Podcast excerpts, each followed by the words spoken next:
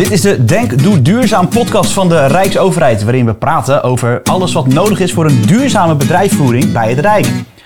In deze aflevering hoor je meer over de uitdaging van drie categoriemanagers voor het verduurzamen van ICT-hardware. De ambities zijn hoog, maar er is nog een weg te gaan naar 2030, het jaar waarin de bedrijfsvoering van het Rijk klimaatneutraal moet zijn.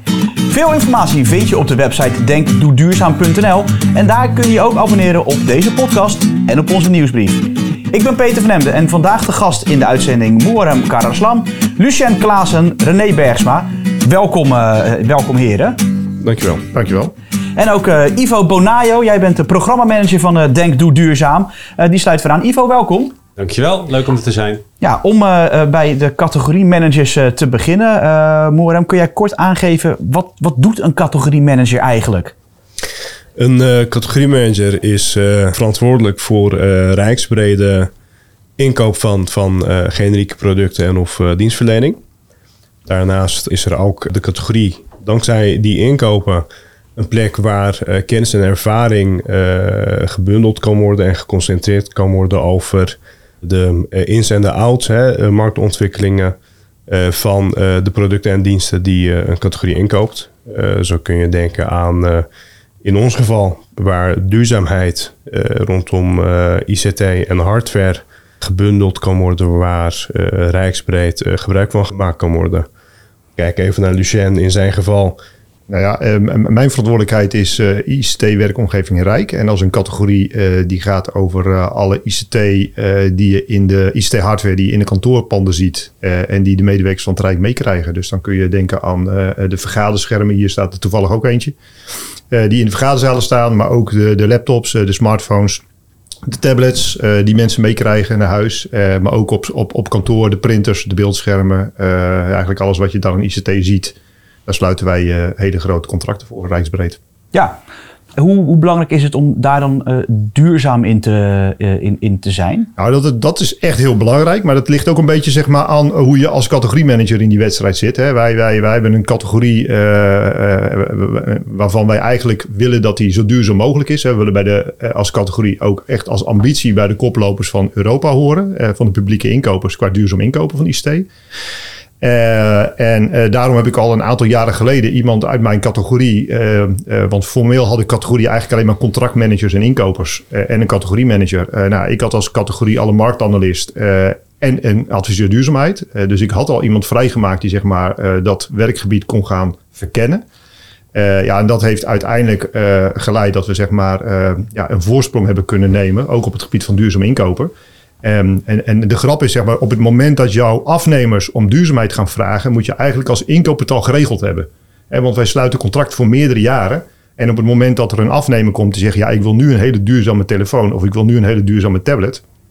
Uh, dan kan het maar zo nog eens drie jaar duren voordat je een nieuw contract hebt. Omdat je lopende contracten nog uh, worden uitgediend. Dat had je dus eigenlijk al twee jaar ervoor al ja, dat hadden wij, ja, dat hebben wij dus uh, op die manier voorzien. Dus wij zijn eigenlijk voor de muziek uit gaan lopen. En wij hebben al duurzame contracten gesloten voordat eigenlijk onze afnemers erom gingen vragen.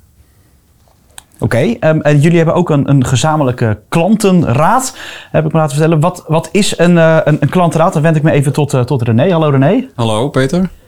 Ja, wat is een klantenraad? Ja, dat eigenlijk, uh, geeft het eigenlijk al aan wat het, uh, wat het woord voorstelt. Hè. Het is een groep uh, gebruikers in onze organisatie op directieniveau.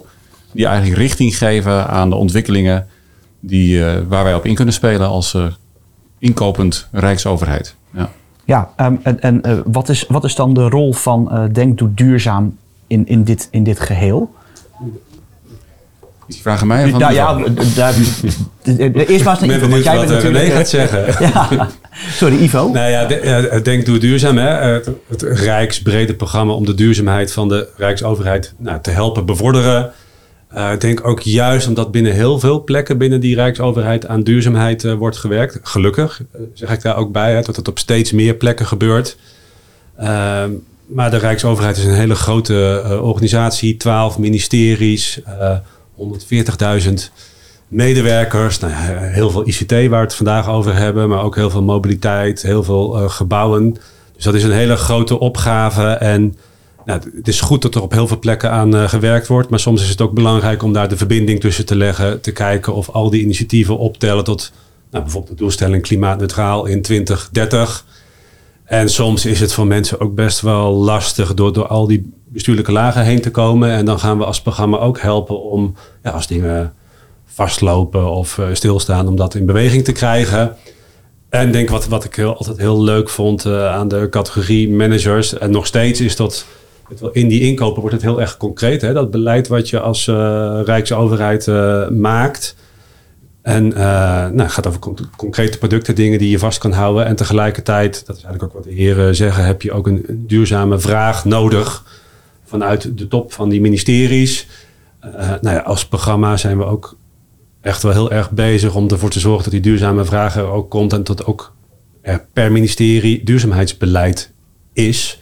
Zodat het dus niet alleen vanuit onder de een beetje onderaan in de organisatie omhoog wordt gebracht, maar dat er ook een duurzame vraag is. En als die, ja, volgens mij als die samenkomen, dan, uh, dan krijg je versnelling. Ja, um, aan, uh, een vraag aan, aan de, de, de andere drie heren, de gasten zelf. Uh, waar, uh, waar raken jullie categorieën elkaar? Ik denk dat het bij elkaar komt bij de klant. Dus de, hè, onze gebruiker, onze deelnemer, die heeft een behoefte en die verdeelt die weliswaar in de regel over onze categorieën. Maar er zijn meer categorieën die ICT inkopen. Dus software is ook een inhuur. Een heel groot onderdeel daarvan is ook een onderdeel van ICT-portfolio, inkooportfolio. En de tweede vergelijking is de markt. We komen ook samen in het gezicht van de Rijk naar de markt toe. En dat is waar we het met, denk ik, met elkaar over hebben. Impact maken doen we als inkoop door die markt te bewegen, ook duurzaam spullen te gaan leveren. Met name Lucien en ik zitten op uh, echt dezelfde marktpartijen te acteren. Uh, hoewel daarachter wel weer andere partijen als vendor, als fabrikant zitten. Boemerem, wil jij eens wat vertellen over jouw categorie? Wat doe jij? De categorie connectiviteit is uh, verantwoordelijk voor het rijksbrede inkoop van connectiviteitsdiensten.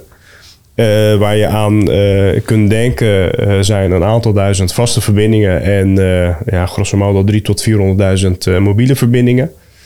Dat zijn kantoorpanden die voorzien worden van dataverbindingen en internetverbindingen, maar het zijn ook boeien van bijvoorbeeld Rijkswaterstaat, matrixborden, ehm, telefoons, smartphones, tablets,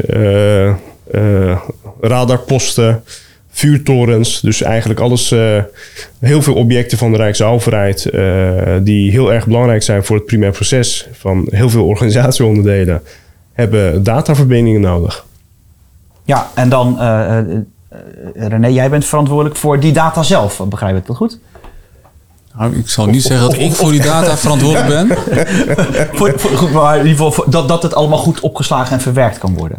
Ja, ik, dat klopt ja. Nou, dat is eigenlijk denk ik in essentie wat het is. we kennen allemaal de datacenters die uh, zeg maar in het publieke debat wel uh, de boventoon voeren. Van Google of van Microsoft of in Zeeland. En, dat moet je ook bij een categorie datacenters voorstellen. In die zin dat alle spullen die daarin staan. Dus dat zijn de kasten waar die, al die servers en storage en de netwerkcomponenten ingezet worden. Zeg maar door de IUC Noord ingekocht worden voor het hele Rijk. En, en dat stukje, hè, dat we dat goed doen. Dat we dat netjes met de markt ook afspraken over maken en goed beheren.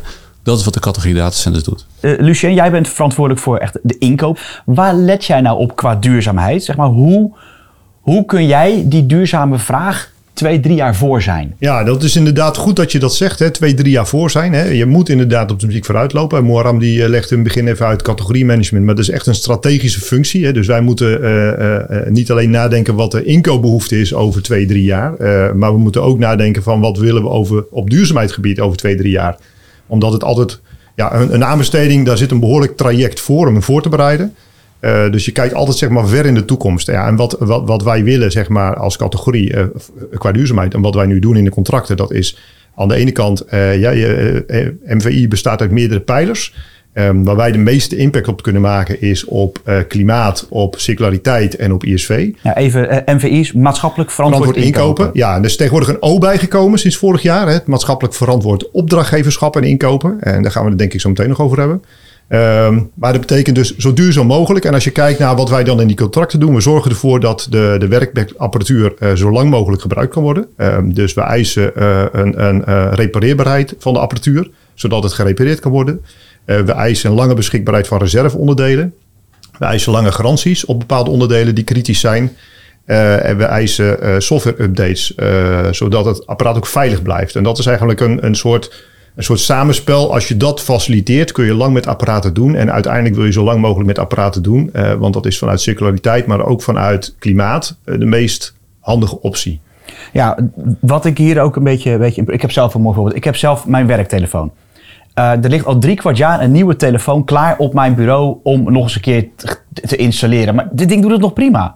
Nou, het is goed dat je het zegt. Hè. Een, een van de speerpunten die wij in het categorieplan opschrijven... is dat we eigenlijk een ondubbeling van de ICT eh, nastreven. Want eh, on- heel veel ondubbeling. ondubbeling. Ja, iedere ambtenaar heeft een telefoon eh, van de zaak. Hè, en, maar ook nog een privételefoon. Eh, dus die heeft er twee. Dat betekent twee keer materiaalgebruik. Twee keer CO2 footprint. Eh, en dat geldt ook voor laptops of andere computerspullen. Vaak heb je in privé iets en je hebt iets van je werk. Ja, hoe mooi zou het zijn, zeg maar, als je het voor elkaar kan krijgen dat je, dat je maar één apparaat hebt die je zowel privé als zakelijk kan gebruiken op een veilige manier. Ja, dus dan, eigenlijk zou, zou, zou je zeggen, de Rijksoverheid die moet in zijn aanbestedingscontracten meer dual SIM telefoons. Nou, die hebben we al. Alle, alle telefoons die wij nu inkopen, die zijn al dual SIM. Of er zit een mogelijkheid in om eh, met een eSIM en een losse SIM klaar een dual SIM te maken. Dus die, die, die mogelijkheid is er al. Maar het is ook even die mind switch van eh, eh, ga je het aanbieden? En, en we hadden net over die opdrachtgever. Eh, dit, is echt een opdrachtgeversvraag. Hè. Ge- geef ik zeg maar in het assortiment eh, van de ICT-dienstverlener, geef ik die, die eindgebruiker, die ambtenaar, de, de, de keuze tussen een telefoon en een losse simkaart die je eigen telefoon kan drukken? Of doe je dat niet? Hè, of, of, of geef ik hem een telefoon die hij ook privé mag gebruiken, waar hij zijn eigen simkaart in mag stoppen, een zakelijke telefoon, of doe ik dat niet? Er zijn natuurlijk meerdere varianten van hè, om te ontdubbelen, maar het is echt wel een, een beleidskeuze om dat dan te stimuleren. Want eh, ICT-dienstverleners kunnen dit mogelijk maken, eh, maar die moeten daar wel een, een duurzame opdracht over krijgen. Ja, die eh, kan ik wel volgen. Ik zie Ivo... eh, Ja, dus eh, opdrachtgeverschap is nu al een paar keer genoemd. eh, dus ik, ik had al de neiging om daar wat over te gaan vertellen. Maar ik, ik denk dat dat dus heel belangrijk is. hè. Ik werk best al lang bij de Rijksoverheid. Nu bijna tien, eh, tien jaar. En ik heb heel vaak gezien, zeker in die eerste jaren... als we dan een duurzaamheidsissue hadden... dan was de standaardreactie... oh, dat gaan we, gaan we aan de inkopers vragen. Nou ja, die, hè, die inkoopfunctie kan ervoor zorgen... dat er duurzame producten worden, worden ingekocht... Maar het is ook echt heel erg een organisatievraagstuk. Hè? Dus ook nadenken over, en dat moet echt vanuit die opdrachtgevers komen, hoeveel van die producten heb ik eigenlijk eh, nodig? Ga ik ze na twee jaar vervangen, na drie jaar vervangen of na vier jaar vervangen? Nou, dat, dat besluit wordt niet in een inkooporganisatie genomen, maar hè, op, eh, binnen het Rijk bij onze ICT-dienstverleners eh, bijvoorbeeld. En er hoort ook, eh, ook, ook nog duurzaam gedrag bij. Hoe ga je de medewerkers in je eigen organisatie eh, nou, inlichten of voorlichten tot duurzaam gedrag? Hoe doe je dat slim? Ik vind het ook wel een mooi voorbeeldje. Je had het net over die telefoon die bij jou al een tijdje op de plank eh, ligt.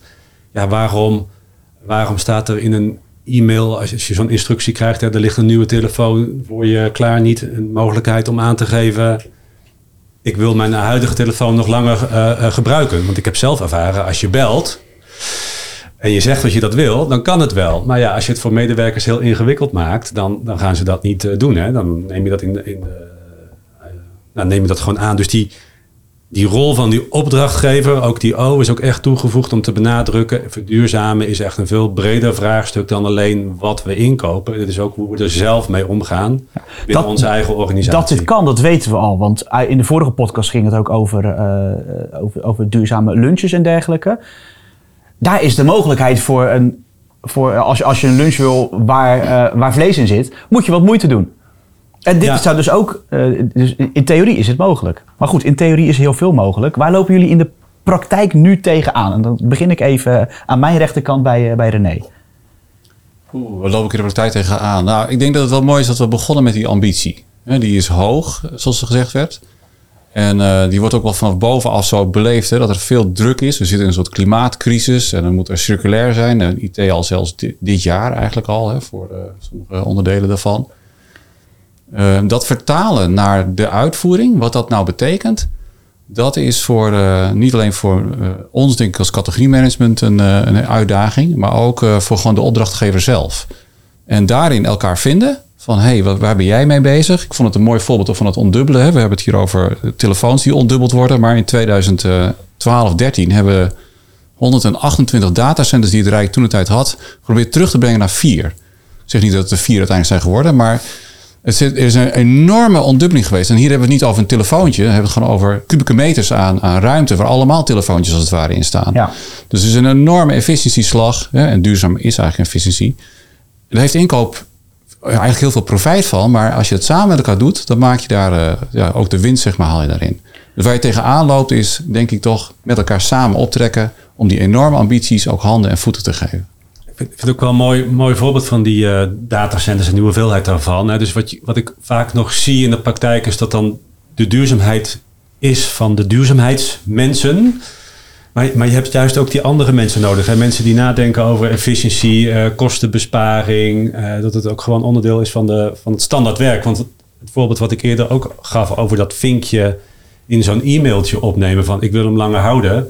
Daar heb je geen duurzaamheidsexpert voor nodig om dat voor elkaar te krijgen. Daar heb je gewoon iemand voor nodig die dat even Programmeert. programmeert Ja. en het erin zet. En even, eh, gewoon als je vanuit efficiëntie denkt, zou je dat al mo- moeten doen. Dus ik denk dat ook, eh, dat we vaak nog tegenaan lopen, is dat duurzaamheid nog iets te veel van de duurzaamheidsmensen is en niet van andere plekken in de organisatie. Ik zou dan in het geval van zo'n telefoontje zelfs nog een stapje verder willen trekken. Dat je een mailtje krijgt van, hé, hey, het, eh, je, hebt je, je, hebt je, toestel, nu- je hebt je toestel nu twee jaar. Ehm, als jij niet aangeeft dat je een ander toestel wil, dan eh Dat is nog we. mooier. Nou, nog sterker mooier. nog, je zou zelfs in die ma- mail aan kunnen geven wat eh, de besparing is van de footprint op het moment dat je een jaar langer doet. Hè. Die gegevens hebben wij gewoon. Dan maak je iedereen er verantwoordelijk voor. Hoe, lang kunnen we met een telefoon doen?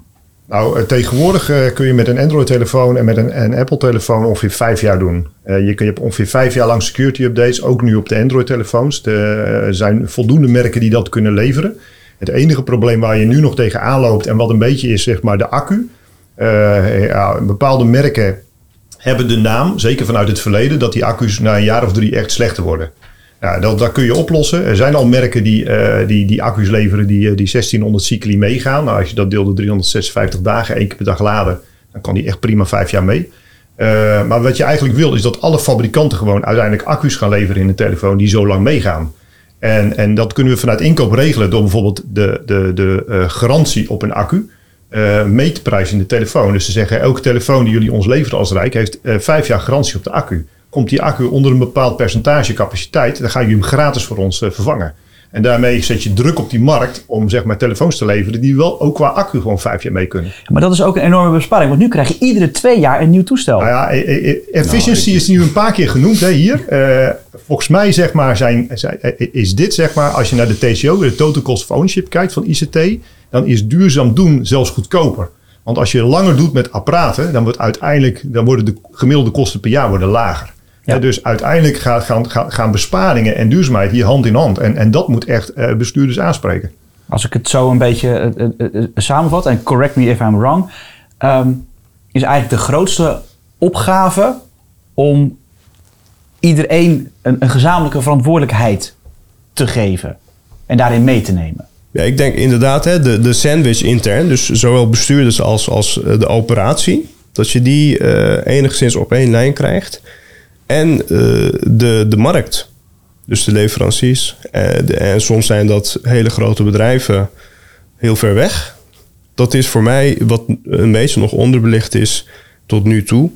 Eh, hoe krijg je de markt in, in, in beweging? En, en dan niet alleen duurzaamheid technisch, hè, van, van circulariteit en, en klimaat, in hoeverre dat je, kun je dat technisch noemen, nou, dat is het tweede, maar de sociale kant hè, van ketenverantwoordelijkheid, eh, hoe eh, in het Verre Oosten eh, de arbeidsomstandigheden zijn, dat zijn ook zaken die eh, men, ja, ik vooral in mijn aanbesteding wel een, een prominente plek geef. Wie moet er als eerste nu echt in actie gaan komen? Nou, volgens mij eh, zijn we al een tijdje in beweging. Ik kan me herinneren dat ik, in, ook ik werk al een tijdje Ivo bij het Rijk. ja, dat weet ik. Dat ik in Laat maar, 2000 Rick. 2018, toen het nog lege zaal, dit onderwerp eh, hè, 100% eh, eh, duurzaam inkopen moesten we toen zijn. En als ik zie wat er nu eigenlijk allemaal gebeurt. En de vraag die je stelt, interesseert me wel. Hè, van, eh, mis je iets in de klantenraad? Ik ben eigenlijk hartstikke tevreden over de klantenraad. Het is echt voor het eerst dat we zo'n grote groep hebben die we direct eh, kunnen benaderen. En die hebben het hele categorieplan zeg maar, goedgekeurd. Had dat maar En we kunnen, worden? Precies, en we kunnen vier jaar lang volop aan de slag met alle ambities die erin staan. En ik denk ook dat Moer hem terecht aangeeft. Hè, we proberen een soort launching customer te zijn met elkaar. En eh, eh, dus dat die Rijksoverheid zichzelf ook daadwerkelijk neerzet als van wij hebben behoefte aan eh, duurzame, circulair, verantwoord geproduceerde en energie-neutrale producten eh, af te nemen. Dus eh, ja, eh, time for action. Ik denk dat we echt al volop in eh, beweging zijn. En ik, ik zie heel veel goede voorbeelden juist op die werkvloer ook ontstaan. En die verdwijnen wel eens wat in, de- in de aandacht. Hè? Dus en, dat vind ik het mooi aan Denk Doe Duurzaam. Dat het een podium is waarin je ook al die positieve eh, eh, ontwikkelingen die er zijn... Dat, dat, je die ook aandacht kunt geven. En wat is dan zo'n voorbeeld waar jij gewoon echt trots op bent? Of waar je denkt, ja, dat, dat moet meer gedeeld worden. Dit is je kans. Ja, ik geloof dat eh, trots eh, niet altijd zo'n goed woord eh, is. maar ik, ik vind wel dat, dat als ik kijk bijvoorbeeld bij ODC Noord... dat ze watergekoelde noodstromen eh, voorzieningen zeg maar, inrichten. Dat is echt niet een doel wat we zelf zeg maar, verzinnen of zo. Maar dat hebben ze daar wel opgepakt. Dat hebben ze gewoon daar zelf neergezet. Dat zijn van die initiatieven die eigenlijk net wat buiten ons omheen gaan... maar wel in samenwerking plaatsvindt met de leveranciers die daar zeg maar, een rol in spelen. En zeker in het noorden is natuurlijk alles met waterstof zeer interessant op dit moment. Een van de koersen die voor ons belangrijk is, dat is, zijn zeg maar, de afspraken in het eh, klimaatakkoord. Eh, en en wat, wij, eh, wat wij doen, wij, wij plotten grafieken waar voor bepaalde segmenten van ICT, bijvoorbeeld van telefoons of van laptops, daar staat de footprint van, van, van onze ICT op het referentiejaar 1990. Eh, dat is eigenlijk gelijk aan 2019 ongeveer. En, en we willen daar een afbouw in die dezelfde eh richtingscoëfficiënt, dezelfde hellingshoek heeft zeg maar, als de afbouw die nodig is om het klimaatakkoord te halen. En vervolgens gaan wij eh, elk jaar gaan wij daar zeg maar, eh, de nieuwe CO2-footprints in plotten. En dan kijken we zeg maar, of de totale footprint die, die, die dat onderdeel van de inkoop veroorzaakt, of dat zeg maar, dezelfde afbouw heeft als nodig is om het klimaatakkoord te halen. Het klinkt heel ingewikkeld. Ehm, en, en, en als we zeg maar op de goede weg zijn om het klimaatakkoord te halen, dan zegt die KPI, hij staat op groen. Wat is een KPI eigenlijk? eh? Een Key Performance Indicator. En dat geeft eigenlijk aan of je op de goede koers zit. En als we niet op de goede weg zijn, dan staat hij op rood. En dan moeten we dus eh, in actie komen. Het mooie wat wij eh, ook proberen in onze aanbesteding is eh, de, de, K- de, de KPI's van de leveranciers eh, te gebruiken. Hè, in eerste instantie kijken we of dat eh, in grote lijnen overeenkomt met de kabinetsdoelstellingen. Dan adopteren wij die en dan vragen we van... hey, ik wil dat je je eigen KPI zorgvuldig toepast op de dienstverlening die ik bij je inkoop. Dus dan hoef je niet zelf iets te bedenken, want dan eh, leun je dus op de innovatiekracht eigenlijk van de markt om de afspraken die ze intern hebben gemaakt toe te passen op eh, eh, de, de contracten die wij dan met ze hebben. En, en eh soortgelijk hebben we ook met, met social return gedaan nu.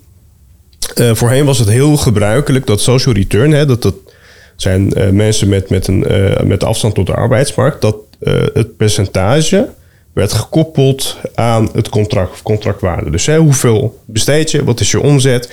En een, een per- een percentage daarvan werd dan gevraagd om in te zetten voor mensen met een afstand tot de arbeidsmarkt. Wat wij gedaan hebben in, in de huidige aanbesteding, we hebben dat daarvan losgekoppeld. En we hebben het percentage gekoppeld aan de draagkracht van de organisatie. Dus we hebben een eh, percentage van eh, het werknemersbestand van een eh, leverancier gebruikt om social return invulling te geven aan social return. En Daarmee stimuleer je ze dus eigenlijk ook om ook op andere projecten daaraan te werken. Begrijp ik dat goed? inderdaad, daarmee stimuleer je dus dat ze over de hele linie op een duurzame wijze plek creëren voor mensen met een afstand tot de, tot de arbeidsmarkt. En je voorkomt dat aan het einde van jouw contract de plekken die gereserveerd zijn voor die mensen ook wegvallen. En, en ehm, ja, hey, je vroeg net nog van eh, wat, wat, wat, wat heb je bereikt? Hè? Wat is het verschil? Nou, dit is ook weer daar één van. Dus op, over, over de hele linie hebben we op heel veel punten eh, proberen we verschil te maken. Mag, mag ik nog wat toevoegen over de KPI? KPI klinkt heel, heel technisch. Ehm, wat, daar ook leuk aan, is, eh, aan het werken is met KPI... is dat je een ander deel van de organisatie namelijk ook meekrijgt. En dat is het deel waar de financiële controllers werken. Dus de financiële functie. Heel leuk voorbeeld van een eh, duurzaamheidscoördinator van een ander ministerie. Zij zei van... Zij is aan de slag met de CO2-prestatieladder. hè. Zijn alle ministeries aan het implementeren. Ze zei, ik, ik kreeg nooit je dat? Een voet tussen de deur bij onze financiële mensen, bij de financiële functie, bij de controllers. Die vonden duurzaamheid maar vaag. Maar nu zijn we met die CO2-prestatieladder aan de slag. En dat gaat natuurlijk over getallen, eh, CO2, grafieken. En eh, eh, het hoofd is helemaal om. Die vindt duurzaamheid leuk. Die heeft er ideeën bij. Die, die gaat erin meedenken. Dus soms als iets heel technisch klinkt, kan het voor andere mensen juist een hele wereld openzetten. Dus dat vind ik ook wel heel mooi met nou ja, KPI altijd goed om te gebruiken. Hè, om te zien, maak je stappen vooruit. Maar ook, ook andere mensen eh, eh, raken veel meer betrokken bij het vraagstuk. Ja, Leer je Pappenheimers kennen. kennen in Precies. Ja.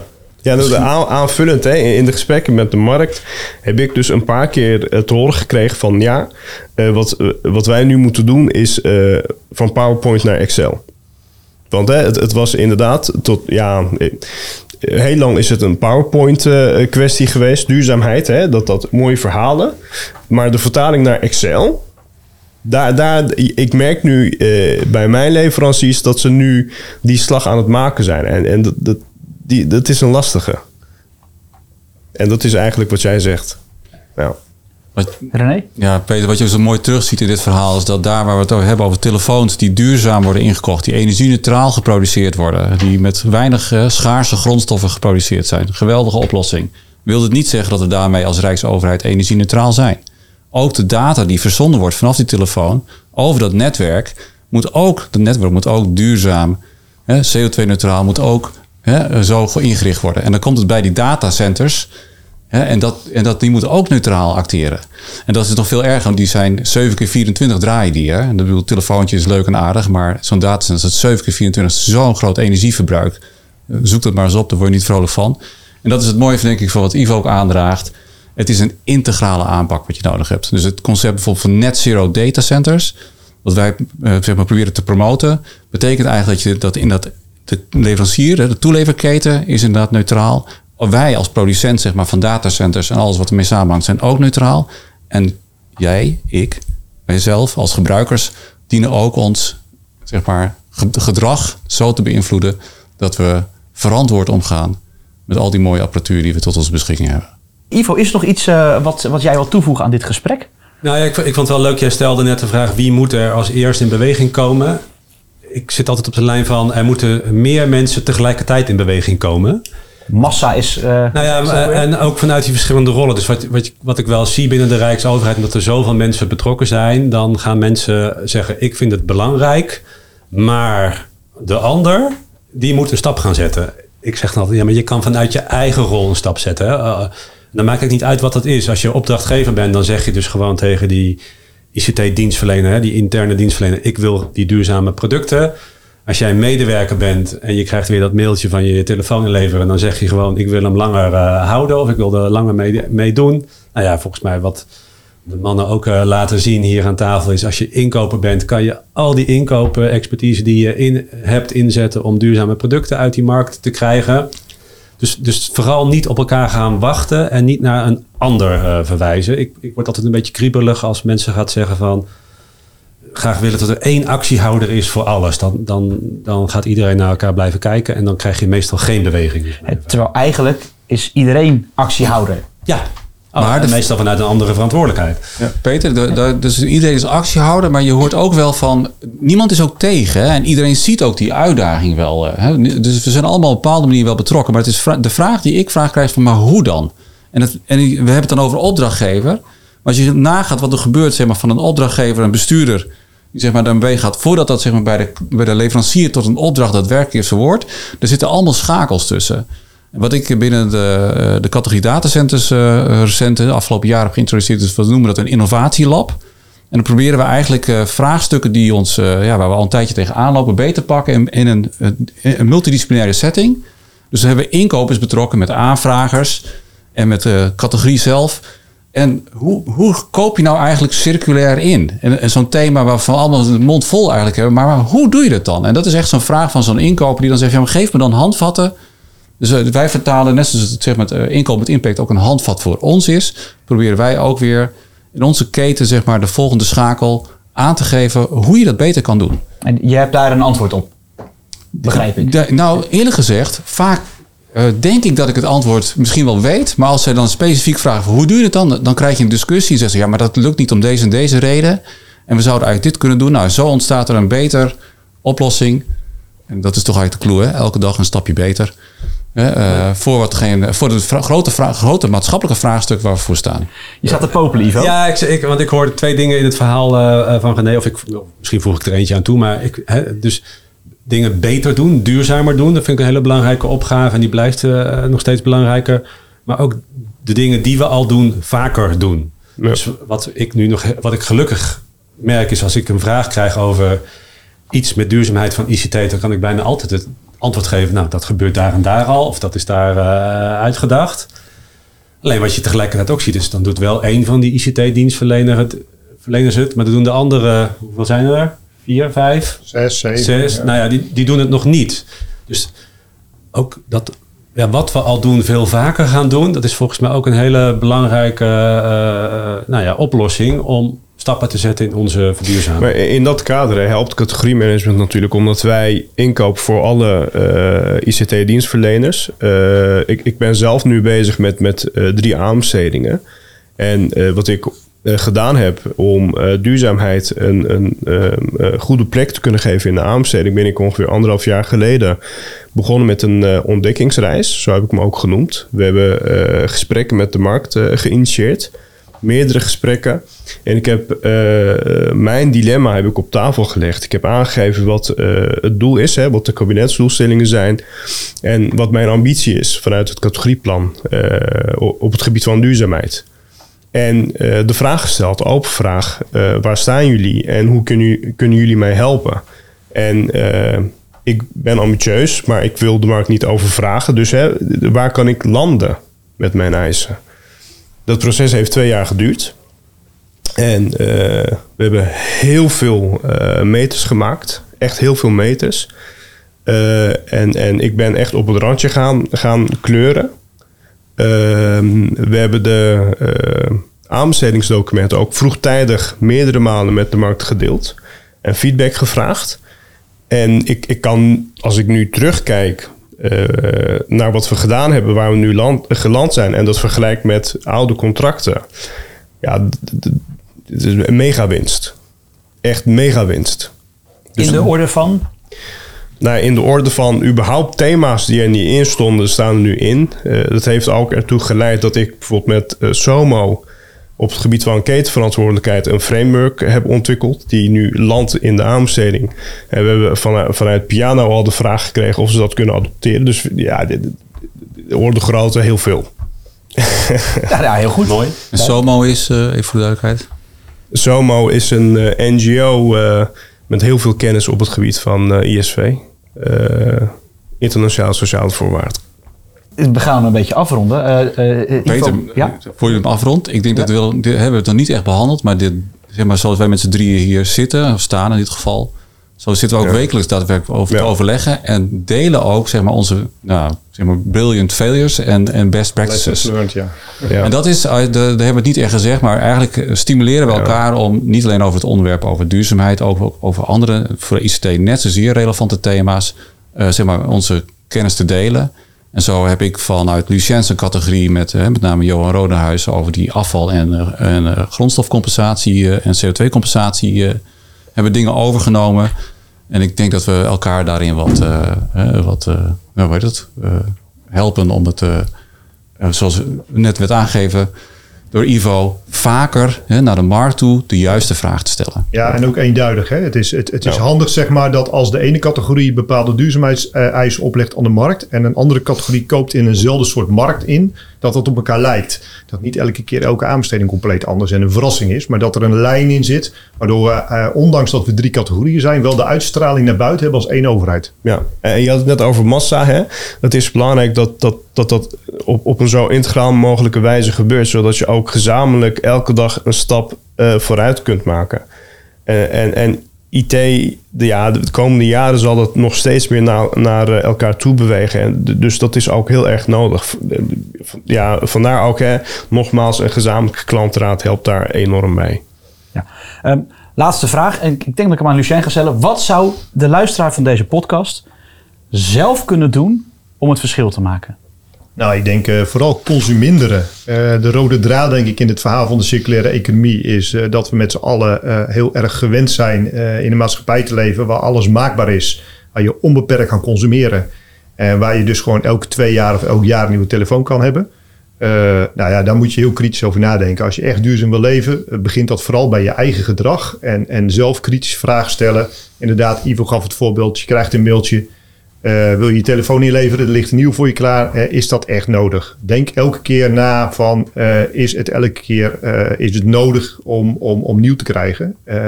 Of kan ik nog gewoon prima met wat ik heb uitvoeren? Kan ik daar mijn werk mee doen? Goeie vragen. Heren, dankjewel voor het mooie gesprek. Dit was aflevering 3 alweer van eh, de Denk Doe Duurzaam podcast. Eh, wil je nou meer weten over het eh, programma of de verduurzaming bij het Rijk?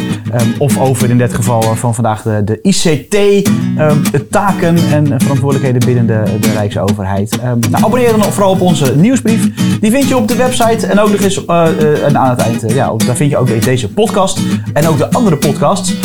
Maar ook video's en verhalen. bijvoorbeeld van alles over de verduurzaming van de bedrijfsketen. Ik bedank onze gasten. Naar Ivo Bonaya natuurlijk, programmamanager vanuit eh, Denk Doe Duurzaam. En de categoriemanagers Moerem Karaslam, Lucien Klaassen en René Bergsma. Dank eh, dat we hier bij jullie te gast mochten zijn en even een studiootje konden bouwen. Ja, graag gedaan. Dankjewel. En mooi gedaan trouwens, eh, studio, hier in Utrecht.